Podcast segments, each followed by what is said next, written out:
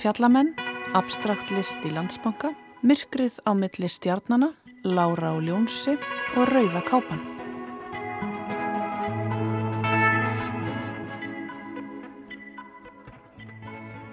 Guðmundur Einarsson frá Middal var ekki aðeins listamæður og lífsþystur ævintýramaður.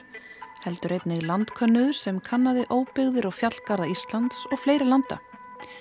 Eftir að hafa stundað myndlistanámi München í Þískalandi á þriðja áratug síðustu aldar kom Guðmundur heim til Íslands ekki aðeins með listina í farteskinu heldur líka reynslu af fjallamennsku eða alpinisma sem hann stundaði í fjallgörðum Evrópu. Guðmundur var einn af stopnendum ferðarfélagsins Fjallamanna árið 1938 og gaf út samnemda bók árið 1946. Bókin hefur verið endurútgefin eftir að hafa verið ófánlegi áratugi Við ræðum við Són Guðmundar, Ara Trausta, í þætti dagsins en hann reytar formála í nýja útgáfu fjallamanna. Við fáum einnig að heyra af tveimur síningum í þjóðleikúsinu.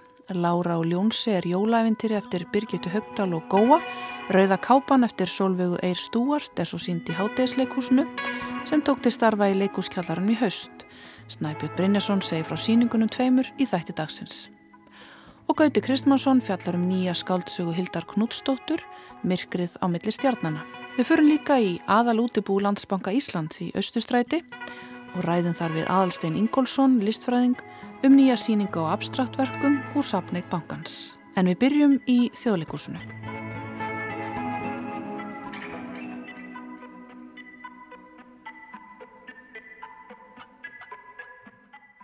Hvað eiga talandi leikfanga ljónið Ljónsi, vinguna hans Lára, vinur hennar Alli heldri kona og ungur heimsbygginemi í rauðri kápu og jólasvetnin sameigilegt.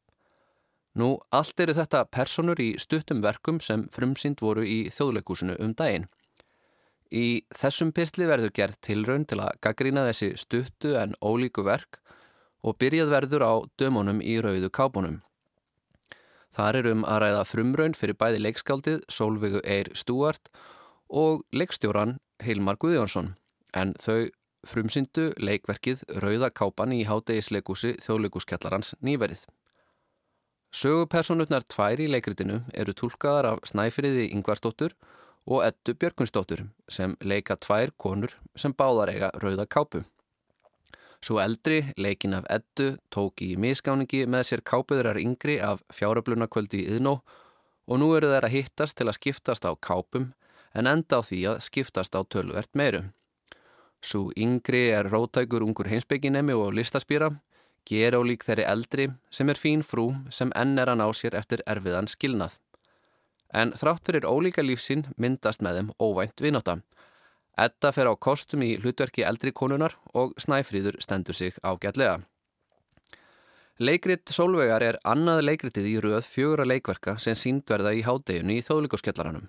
Það fyrsta, út að borða með Ester eftir leikskaldið Bjarnar Jónsson, saði frá málsverði eldri hjóna sem fer úr böndunum. Eftir eru svo verkið eftir Jóngnar og heimsókn eftir Hildi Selmu Sigbergsdóttur. Allt eru þetta líkt og Rauðakápan, 25 minútnar laung gaman sem verk. Mart gott er hægt að segja um þessa frumraun solvegar. Personutnar eiga sannfarandi baksögum og samtöluður að verða fyndin og dramatísk, anþess þó að dramatíkin verði óhófleg. Sumt, eins og hvernig yngri konan talar um trans kæristu sína, er ekki sérlega trúverðugt. Stundum er raunsæri karaktersköpun fornað á alltari fimmöra brandara, en það er í góðu lægi í svo stuttu verki. Á heldina litið er þetta fín fyrsta tilraun hjá hæfileikaríku skaldi sem spennandi verður að fylgjast með á næstu árum. Hvað var þar súpuna sem fylgdi með síningunni hef ég fátt að segja en dekki kokkamentaður og væri því að tjá mig út fyrir mitt sérsvið. Ef við röldum svo frá stóra húsinu á hverfiskötu 19, fram hjá þjóðmenningarhúsinu og hæstarétti og yfir á Lindargötu 7, þá komum við inn í annan kjallara í eigu þjóðleikúsins. En sjáum þar allt öðruvísi verk. Foreldrar barna á leikskólaaldri kannast margir hverjir við bækur Birgitu Högdalum, Láru og Ljónsa.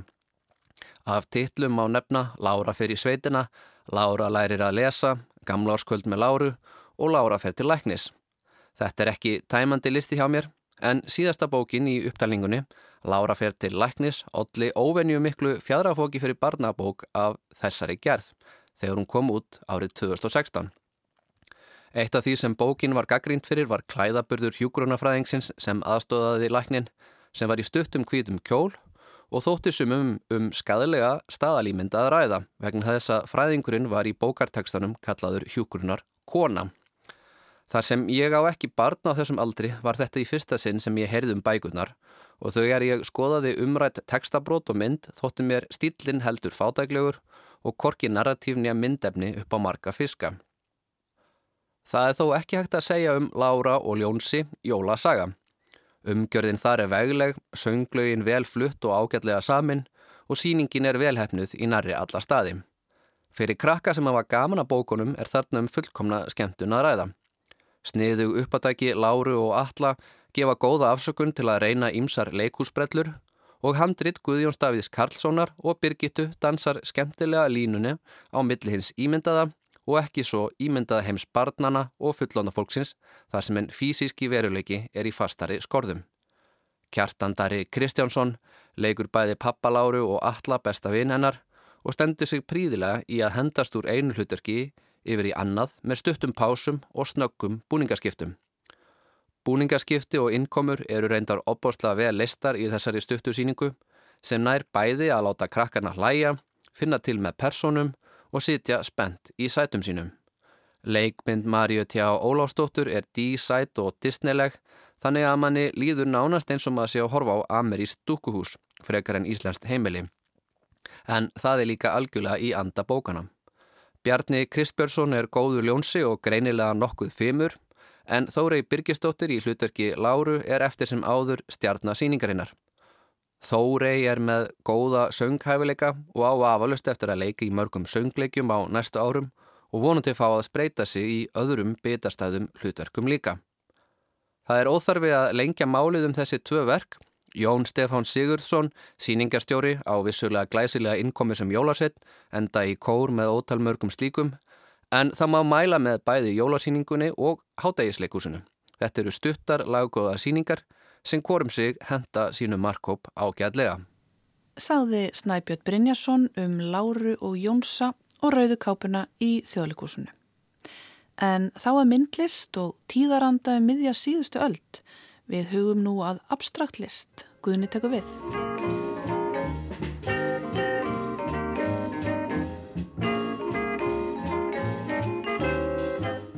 Á dögunum var opnuð í aðal útibói Landsbanka Íslands í Östustræti. Sýningin Reinar Línur Íslensk abstraktlist 1956 til 2007. Í listasafni Landsbankans er að finna fjölbreytt úrvalverka eftir helstu listamenn þjóðarinnar. Þar á meðal nokkra abstraktmálara. Kanski meira mæli en búast mætti við af gamal gróinni bankastofnun eins og Landsbanka Íslands. Í árdaga abstraktlistarinnar hér á landi á sjöttu áratögnum átt hún í vöga verjast meðal íhaldsamra landsmanna og því hafa kaup bankans á slíkri myndlist eflaust aukið á vinsaldir hennar meðal almennings. Sýningarstjórið þessar sýningar er aðalsteg Ingólfsson listfræðingur sem að þekkir betur en okkur annar til sapneignar landsbankans og hefur rannsakað hann náið. Við heimsóttum aðalstegn í bankanum fyrr í dag og rættum við hann um þessa myndlist sem er jú kend við rúmfræði, geometríu eða stránga fleti.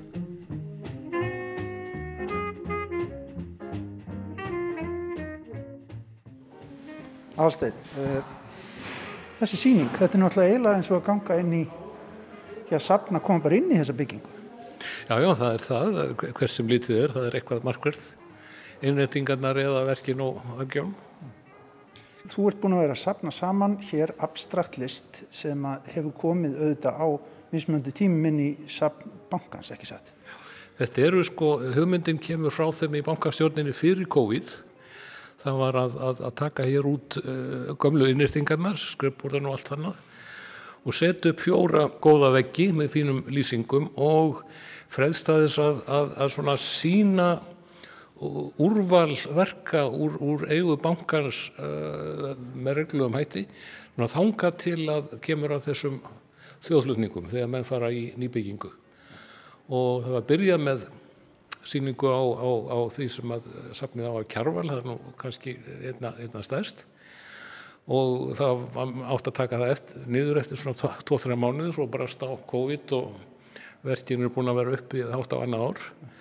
Uh, meiningin var svo að fylgja þessu kjölfari með svona í tímaröð Áskrim og Jón Stefánsson og allt það.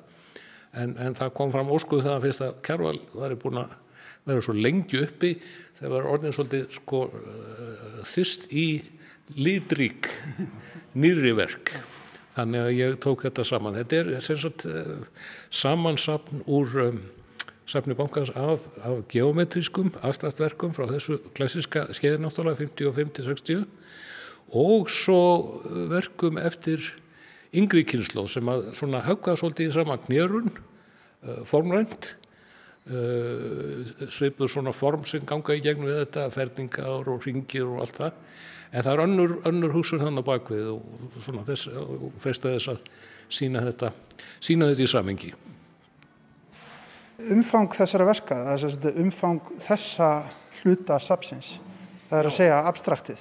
Hversu breytt er það? Hversu mikið er til af því? Já, það er eiginlega sko, glettilega mikið til, meira heldur en ég, ég hérna, átti vona á. Það er til dæmis, ég held að sé eitt mesta sapn í enga eigu af verkum Karl Kvaran. Ég held að þeir eigi, bankin eigi millir 30-40 verk eftir Karl frá öllum stjöðum. Þannig að, að, að eh, og, og síðan tölvört eftir Þorvald og, og uh, já, já, fleiri, fleiri, fleiri málara frá af, af, af, af þessari gerðar. Er eitthvað vitað um hvernig þetta kemur í bankans? Já, já, það er nú til, til tölverðar upplýsingar um það og það líka kemur, kemur manni svolítið ávert að, að, að sjá að mörg þeirra, sérstaklega sko verk Karls, koma inn í bankan sko á sjötta áraturnum sem að var nú, sko, þá var þetta nú daldið umdeildar, umdeildar myndirmarkar og, og kannski meður átti ekki vonaði að, að svona gammalgrói bankastofnun væri að, að, að kaupa svona myndir, en, en það, það gerði bankin. Nú síðan koma þessar myndir með ymsum hætti, það eru þeirnir upp í skuldir uh, og, og, keifta þess að hjálpa listamannunum og, og vörustiftum og allt mögulegt það er auðvitað daldið um það að menn er í vandræðum og þurfa að tala við bankansin. Já, já, já, já, já.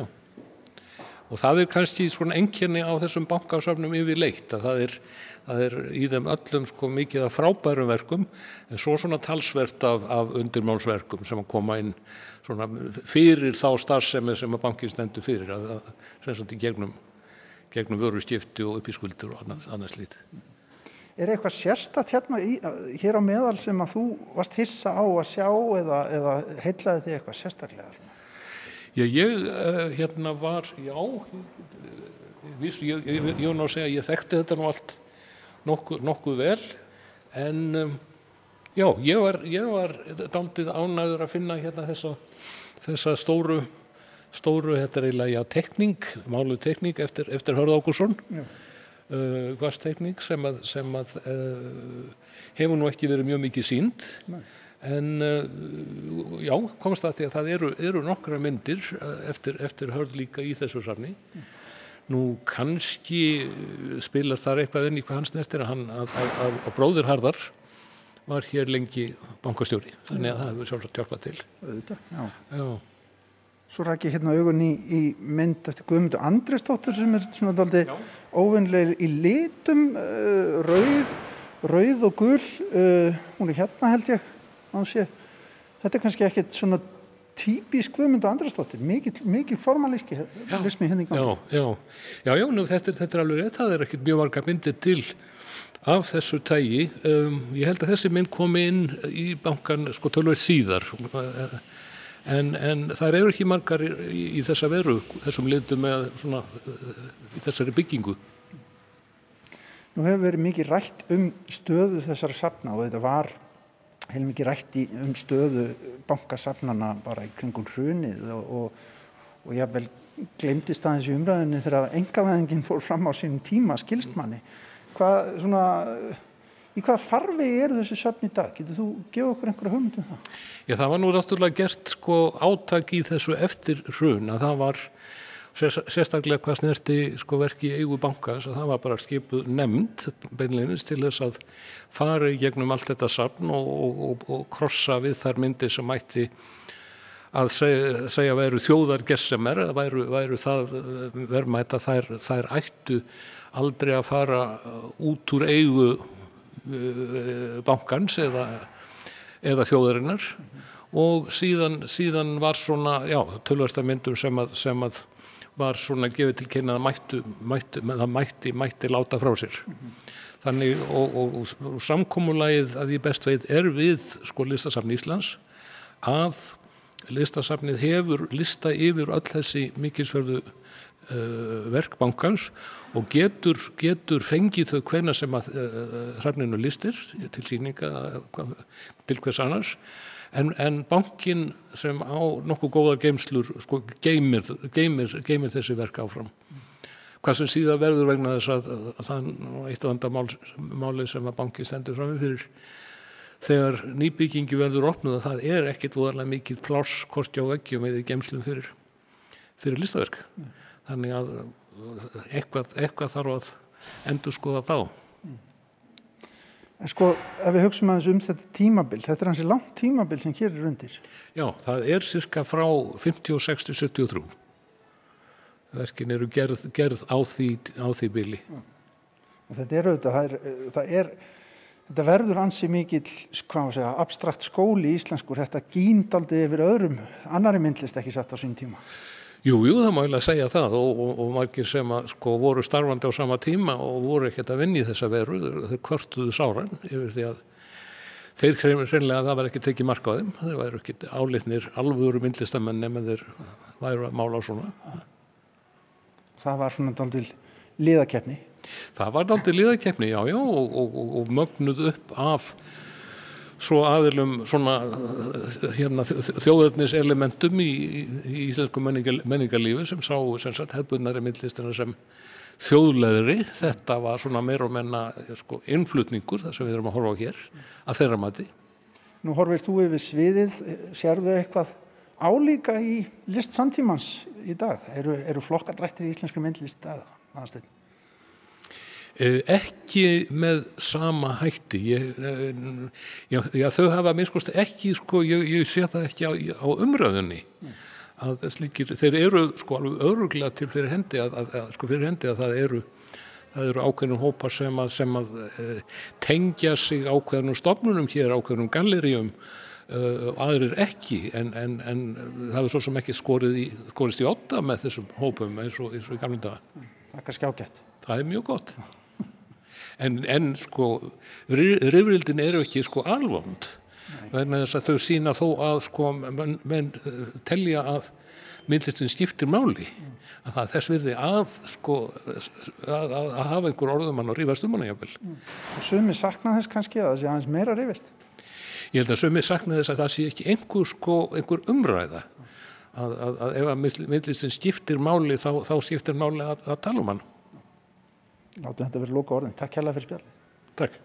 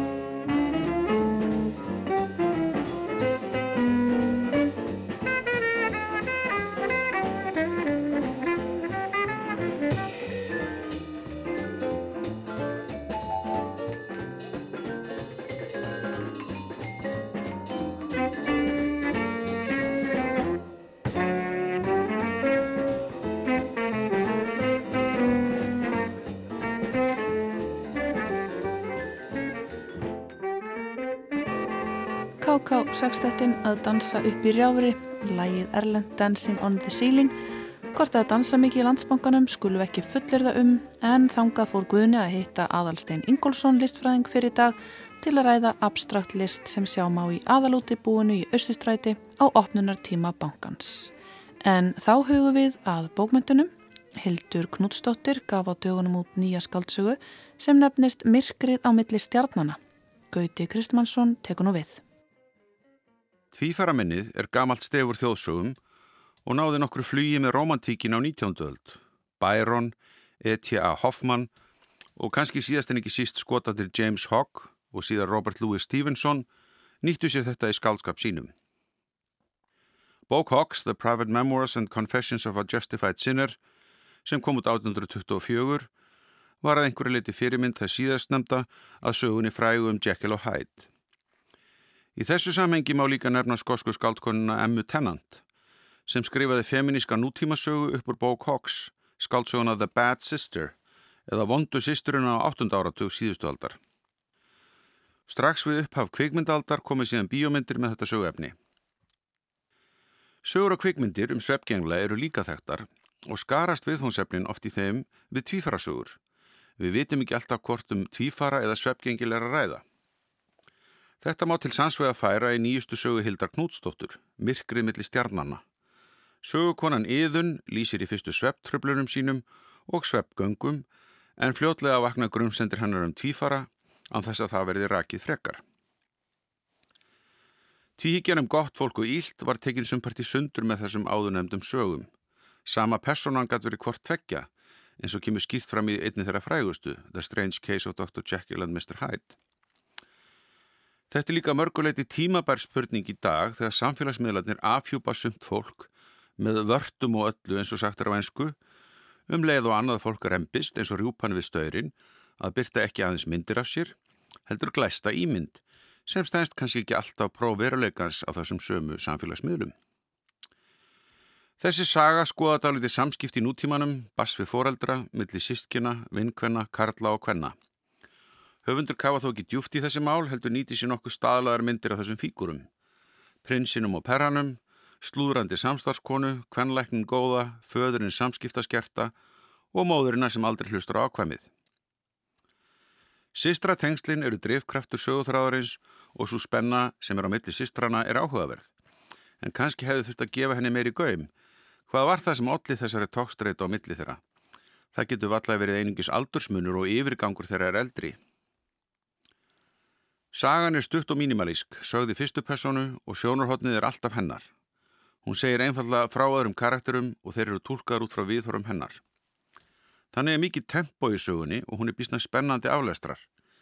Minimalismin kemur fram í stuttum málskreinum og köplum, sumur jafnvel aðeins einn málskrein og hraði næst með því að flestir kapla enda á því að sögukonan sopnar og næsti byrjar á því hún vaknar. Þetta lætur stuttaralegi eirum en málið er að lesandi veit ekki gjörla að miskust ekki framan af hvað gerist þetta milli. En hann, hún eða hán vita samt að það hefur eitthvað mikið gerst og það er spennuþátturinn í sögunni. En svo áður sagði tólkar sögurettin allt annað fólk í frásögninni og þau eru raunar fá sem koma vel út úr því. Dómharka hennar er að einhverju leiti sjálfsvarnatæki, að öru leiti einfallega töffaraskapur. En í gegnum skín eitthvert óöryggi, hún hefur verið að dandalast með giftu manni sem hún fyrirlítur og hann er ekki sá fyrsti. Einhvern veginn ræður hún heldur ekki við ofriki foreldrana eða nennir ekki að breyta því sem steinrunnið er. Kanski braut sýsterinn hanna niður á sínum tíma og hún reynir að dilja þau sára með hörkunni. Oft er eitthvað mjúkt og viðkvæmt undir harðri skell. Sistirinn eldri er látið þegar frásögnin hefst en hún hefur greinlega verið erfið í umgengni ef markam á söguröttina og hún er samt greinlega mest í áhrifavaldurinn lífi hennar. Hún er í raun og veru skýringin á ástandi hennar og líðan. Hún er einhvern veginn inn í henni en samt ekki, aðeins minning en samt ágeng og það er það sem þessi saga er hugsanlega lýsa. Hvernig við getum búið við okkar nánustu innra með okkur líka eftir að þau eru farin og þegar illa fer eru þau grundvöldurinn á ógjafinni nú eða vonandi oftar gæfinni. Hér fer samt sem aður ekki framleitt uppgjör við nútímafjölskylduna, til þess er sagan dregin og fáum dráttum. Aðalatriðið er, sínist mér, að úrverði spennandi og nokkuð hrollveikjandi frásögn af því hvernig samsamaðar vitundir geta rekist á og valdi örlögum sem varða bæði líf og dauða, manna jæmt sem katta. Og þótt ekki sé komin hér inn einn stórsaga upp á hundruð blaðsína, þá er vel hægt að styrta sér stundir með snarpri og spennandi sögu um sveppgengla og tvífara.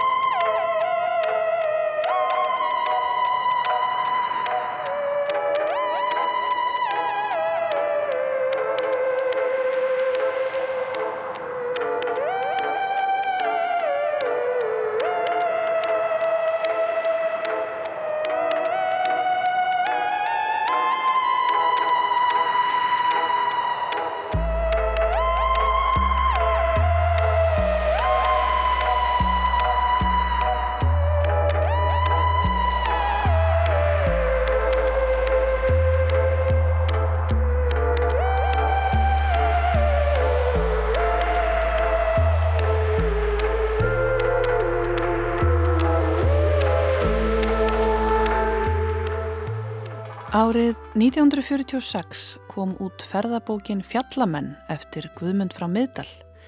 Í bókin er að finna ferðalýsingar úr byggðum og óbyggðum Íslands, sögur af hestaferðum um eigðisanda um sumarnætur, veiðisögur, romantískar upplifanir af glitrandi fjallstoppum og heiðbláum fjallavötnum, sögur af vináttu, ástum og ferðalöngum sem fara til fjalla og deyja.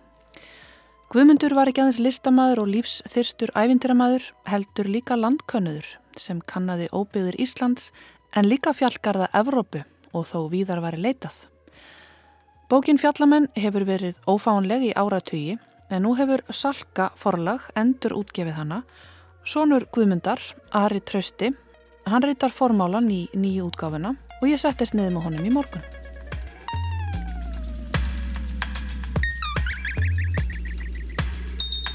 Ari Trausti, verður velkomin í Víðsjá. Takk fyrir það. Eins og kemur fram í sér bók þá er Guðmundur fæðirðin fættur og uppalinn í miðdal í Mósfælsveit og lærir snemma að njóta náttúrunar og alls þess sem hún gefur af sér. Svo fer hann utan til náms á þriði áratug síðustu aldar til munn hennar í Suðu Þískalandi sem að einmitt liggur við rætur Alpana og þar kynnist hann alpinisma, svo kalluðum eða fjallamennsku, hvað er að kalla þetta á íslensku? Það er nú ekki tilnætt orðið við þessa tegund sko, alpinismi er svona meira heldur en bara það að ganga á fjöll, það er sem sagt, menn eru þá að nota tækja tól mm -hmm.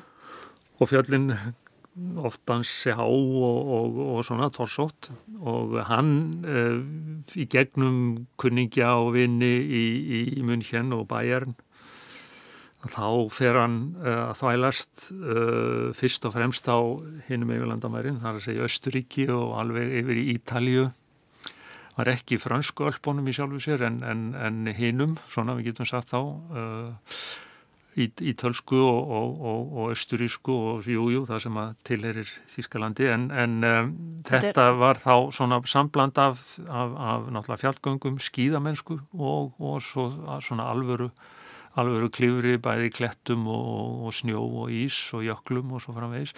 Og þannig einhvern veginn ánættjast að þessu, hann var hérna millir 20, altså 1920 og 25 og fer svo í ferðir uh, frá því aðeins 26-7 þannig að þegar hann kemur svo heim þá, þá er hann hókin af reynslu mm -hmm, mm -hmm.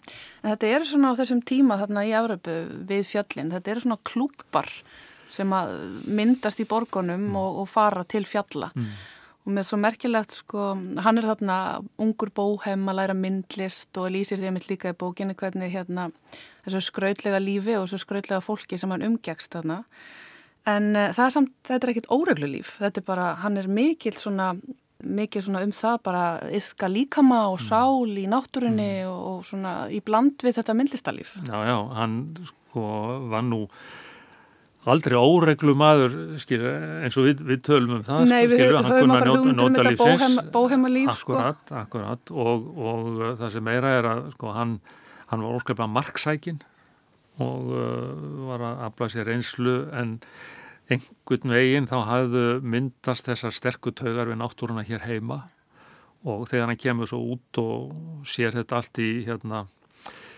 í miklu starra, starri skala. Fjöllin eru í sjálfu sér starri og ókvænlegri og, og allt það.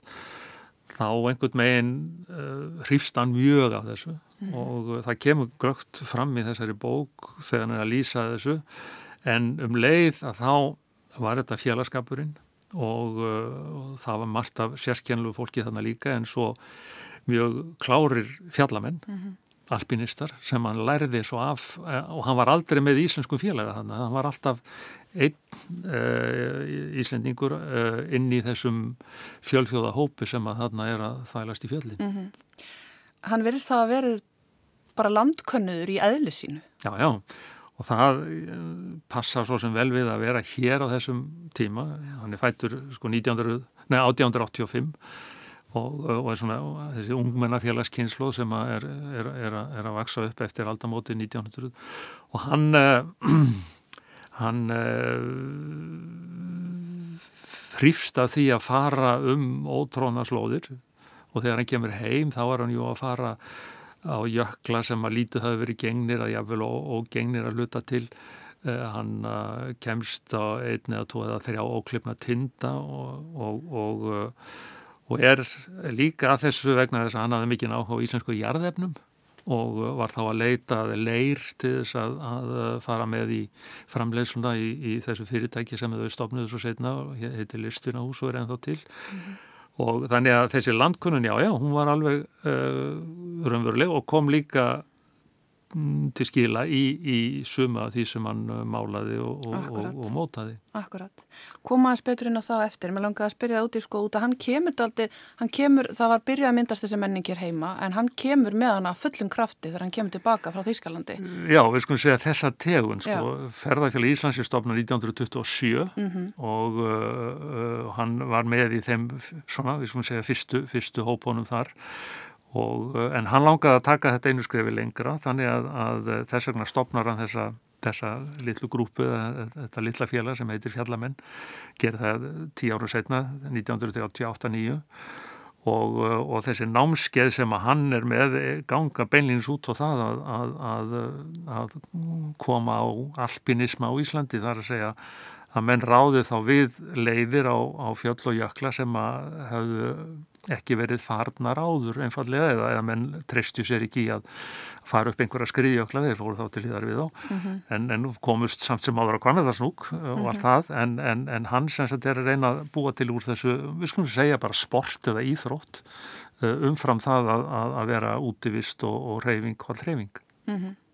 Þetta er nokkur sem við þekkjum afskaplega vel dag. Já, já, nú er þetta orðin uh, mjög, mjög algengt og hann náttúrulega er að því að uh, kemur fram í bókin, hann er að tala fyrir þetta, mm -hmm. tala fyrir þessu semst að vill að, að Íslandingar taki þetta upp og sér jáfnvel í þessu sko uh, ferðaþjónustu fyrir erlenda aðila og, og fjallamenn fóru byggja skála, mm -hmm. upp í tindjöllum og það átti að fara í skálabygging og vera við jökli svo fjaraði náttúrulega þetta út eins og, eins og, eins og gengur en, en, en hefur svo verið haldið áfram af, af öðrum, öðrum klúpum eins og Íslenska alpaklúpnum, mm -hmm. Björgunarsveitunum og svo frá meðis, mm -hmm. þannig að það má kalla, kalla neittna frumkvöðlun Algjörlega og eins og kemur einmitt líka glögt fram í bókinni hvað sko Það fælst líka í svo mikið romantík hjá honum. Þetta snýst ekki bara um að klífa tinda og vera landkönnur og, og eiska líka maður heldur kannski sálinna þetta svona var eitthvað, hann, þetta er eitthvað sem göfgaði andan. Já, já,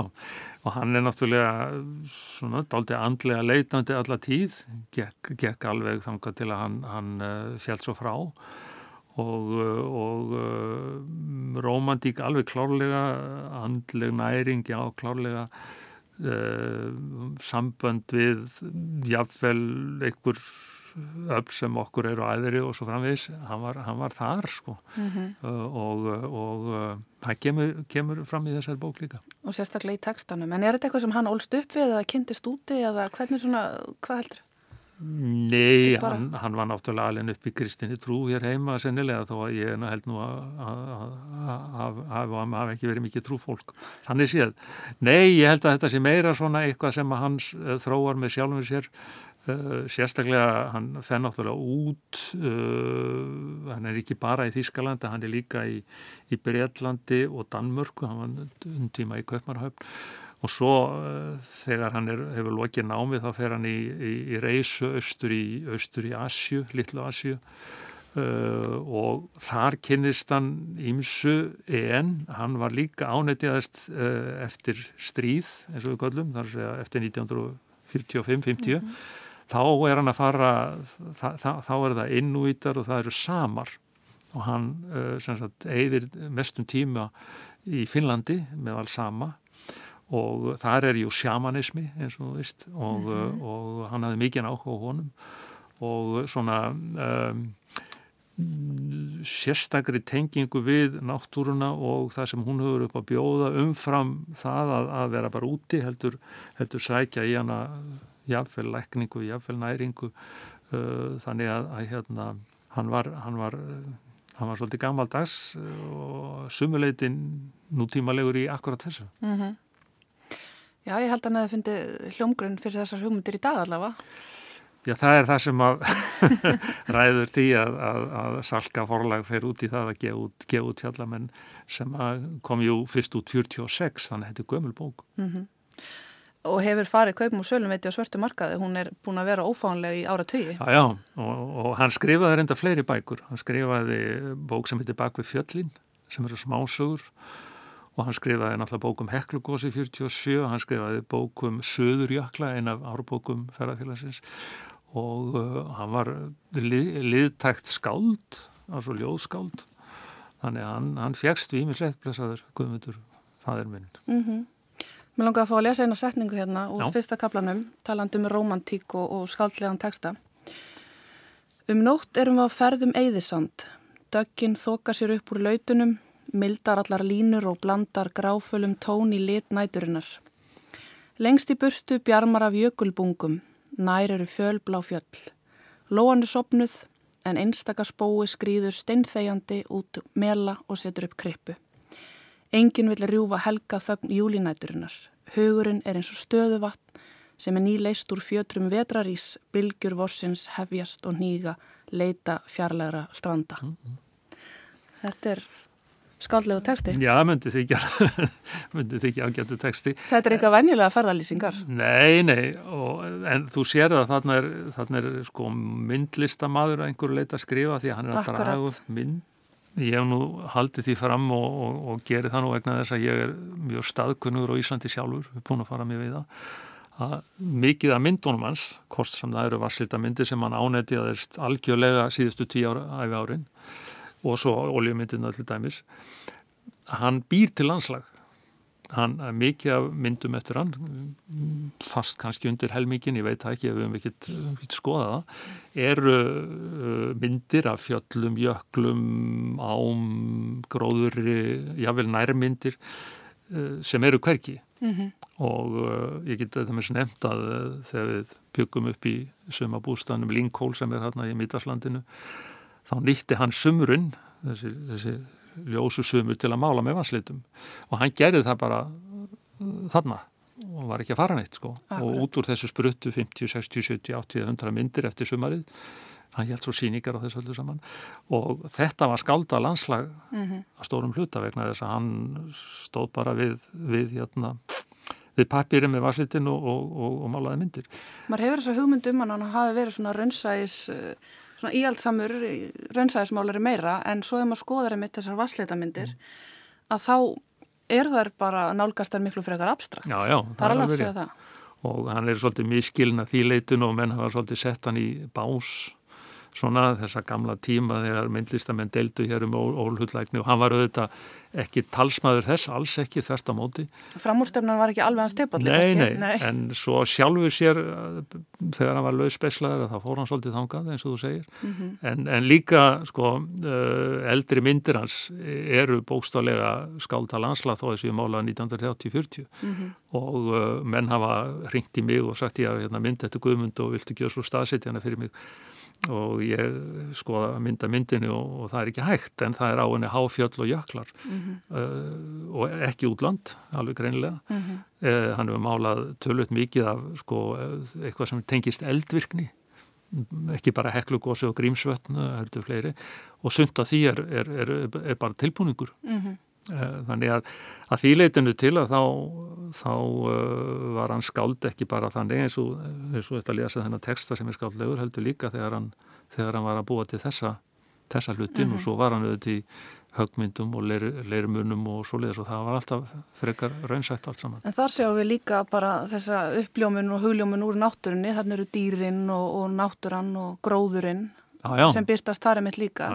En mér finnst emitt uh, auðvitað þekki allir guðmynd frá middal, uh, kannski yngri kynnslóðin vegna þessara verka mm -hmm. sem að eru komin í tísku aftur, ef hægt er að segja. Um, Það voru kannski ekkert í tísku ákveðin tíma, þau voru opuslega vinsæl og svo hérna fjaraði það út og svo kom hann aftur sterkur inn. En þessi verk sem oftar er myndur talin vera svona, svona raunsæl líka, mm. eru það kannski ekki heldur ef maður skoðar þessi dýr sem eru í alls konar litum og formum og, og ekkert endilega svo raunsæl sko, eða hvað? Mm, þau eru nokkuð nálagt því að vera eins og dýrin eru en, en þú sérð, ég vil á uppstillingunni skiluru, rjúpan sem kúrir með ungonum mm Eh, eða, eða uh, fugglar sem eru saman, márjarlu par eða, eða hvernig, hvernig þrösturinn reyir sig þegar hann er að syngja og fleira og fleira svona en svo náttúrulega mögum við heldur ekki gleyma því að þegar komaði þessum leirimunum þá var þetta, þá var þetta 10, 12, 13 manna vinnurstaður mm -hmm. og það var verið að búa til vasa og skála og og, og hvað það nú er allt saman um, á, á, á skýfum snúningsskýfum, ekki, ekki, ekki í mótum eins og, eins og myndverkin hans, sumt að því teiknaðan og, og voru fyrirmyndir fyrir, fyrir þá sem unnið þarna. En svo uh, var, var þarna fólk eins og, eins og mamma Lídia og Sveit bróðir hans og fleiri sem að unnu sín stykki bara eins og þau vildu. Mm -hmm. og það voru þarna lælingar eins og eins og uh, eins og Ragnar í Glitt uh, sem að uh, Ragnar Kjartansson sem var hann í námi og þeir voru auðvitað búast til sína hluti. Þannig að ef maður tekur alla palettuna frá, frá listunahúsinu þá, þá er þetta í 40-50 ár þá er þetta gríðarlega fjölbreytt. Og pappi á ekki nema ákveðin hlut hafði í raun og veru. Átti mamma en ekki stóran hluti því? Kom, Svo átti hún, jú, jú, hún kom hérna... Lærði hún ekki lellist í Þískalandi? Hún lærði, já, hún var náttúrulega þaðan já. og uh, uh semst hennar ættir og þar með mínar eru annars vegar til Bayern og Östuríkis og svo til uh, svæða sem eru fyrir Norðan Berlín og, og hún kemur hérna 18-19 ára gömul og, og er þá í raun og verið að koma til þess að, að vera kjölfesta í, í þessu nýja fyrirtæki. Og svo fer það nú eins og það fer en, en, en uh, þannig að ég er, ég er afverðað því öllu saman. Uh, en, en uh, hún í sjálfu sér var sko mestari, hún, hún fekk sitt mestarabrif hér á Íslandi og var, var, var hinn löglæriði mestari í leitkjærasmíði, pappi var, var listamæður, myndlistamæður og, og, og, og málari og hvað þetta var, hann félskuði einan 10, 11, 12 listgreinar. En hún, hún var auðvitað listamæður í sjálfu sér, þetta er listræn hönnun að -hmm. vinna svona eins og þau unnu. En uh, það var hann að daltitt munur á og það er mjög fyndið þegar, þegar hérna menn sjá pappa fyrir sér sitjandi að rennibekkin að renna vasa sko, þegar hann, hann gata það ekki það ekki og gerði það aldrei En það var ótrúlega talandu um frumkvæla störf, þá var það líka til staðir listfinnahúsinu og, og þessi myndið sem þú ert að lýsa, þetta var myndlist og á sama tíma var það fjöldaframlega list sem var auðvitað nýtt á Íslandu þessum tíma og kannski fjall ekki alltaf í góðan jarðverð hjá öllum. Nei, nei, svo voru auðvitað ímsum sem þótti þetta fyrsta leik gamadags og öðru lagi einhverjir eh, að hluta til vil brúkslutir, eh, notenda hlutir sem sagt, vasar eða hvað eina og auðvitað, já, já, þetta flettaði svo inn í þessar deilur um myndlist og, og, og framúrstefnu og ekki framúrstefnu og, og jável pólitík mm -hmm. og uh, ég held að það hef verið gerjunatími en það var, það var, það var bæði jákvæður og neikvæður og það var neikvæður að þýleitin eða það voru margir íslenski listamenn sem fór ekki dvel út úr þessu, bæði rítumundar og og myndlistamenn og fleiri sem voru svona setti til hliðar og eruð að þóla mjög óvagna og ofta rætna gaggríni. Þeir voru mjög orðljóti stundum á móti. En þetta er tími sem er liðin og, og núna er uh, viðsýnin miklu meiri þegar kemur að hvort það eru bókmentir eða myndlist og, uh, og það er mjög jákvægt finnst mér. En, en uh, svo við horfum aðeins aftur, aftur á þessa bók að ég held líka að sko hluti af henni eru sögur sem að hann herði mm -hmm. uh, úti í mið-Evrópu mm, með svona dálun þjóðsagnablæ hetjusögur jáfnvel og hann einhvern veginn óð það inn í þennan texta. Uh, ég veit stundum ekki að hverju en, en, hérna, en, en þetta er svolítið skemmtilega sögur um um kvítarsteinhafurinn og, og, og hí, hísil og, og tengist þessar sérstöku, sérstöku týróla, hann, hann var óskaplega hrifin af týrólbúum mm -hmm. og hann meiri sig að kemur hann með svolítið samanburð á týrólsku og íslensku á einu staði bókinni og hérna segir frá því að þegar hann þegar hann var, daldið, var, var, var í seli hjá, hjá ungri stúlku og, og hann var svolítið gerði stjartæku til smjörsins eins og hann segir þá saði hún þessa settingu lata vera Já. Já og þetta er nú tengist í að, að, að um, sko það eru germönsk líkindi náttúrulega með íslensku og, og, og latínu og, og svo norrænu, við getum orðað þannig Þannig að það eru einu orð, einu orð önnur orð í, í, í þessari fornu tungu sem er í raun og veru mm, ekki þíska nema litlu, litlu mhm. leiti og tala nú ekki um latinskan mhm. sem er töluð en þá í, í Suðu Tíról og, og retorómanska í Sviss. En hann hafði óskaplega mikið áhuga á, á, á, öllu þessu og, og, fornum þjóðum eins og etrúskum og öðru slíku. Þannig að, að eh, þegar við fórum til Ítali og ég held ég að vera 7 ára gammal að hitta er og bróður í, í Flórens þá, þá var eitt af því sem var gert, það var að heimsækja uh, nokkra svona fyrrum etrúska byggðir sem við búið að grafa upp þannig einhverstað. Ég man ekki mjög leftir þessu en, en þessi áhugi var mjög sterkur hjá, hjá Guðmundi. Hann virðist bara hafa verið ótrúlega lífsþyrstur maður með áhuga á mjög fjölbreyttum sviðum og Já, allir hann væri orð, orðfæri dagsins ekki kallaður ofvirkur.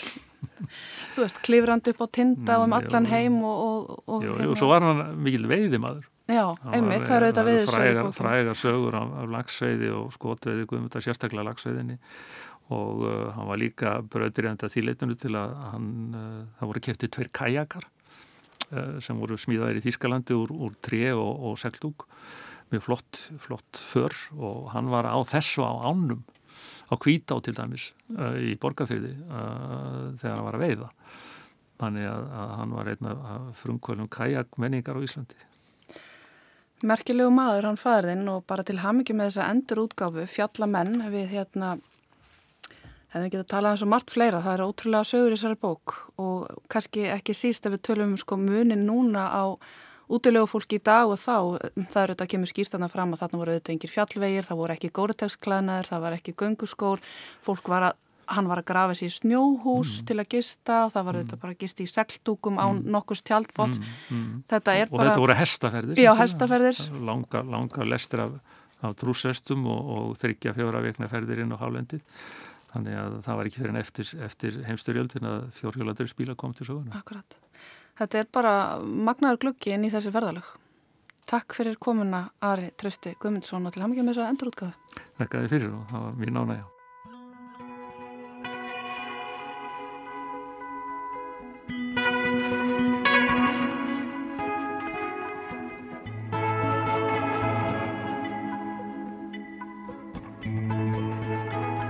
Og hér látu við staðarnumið.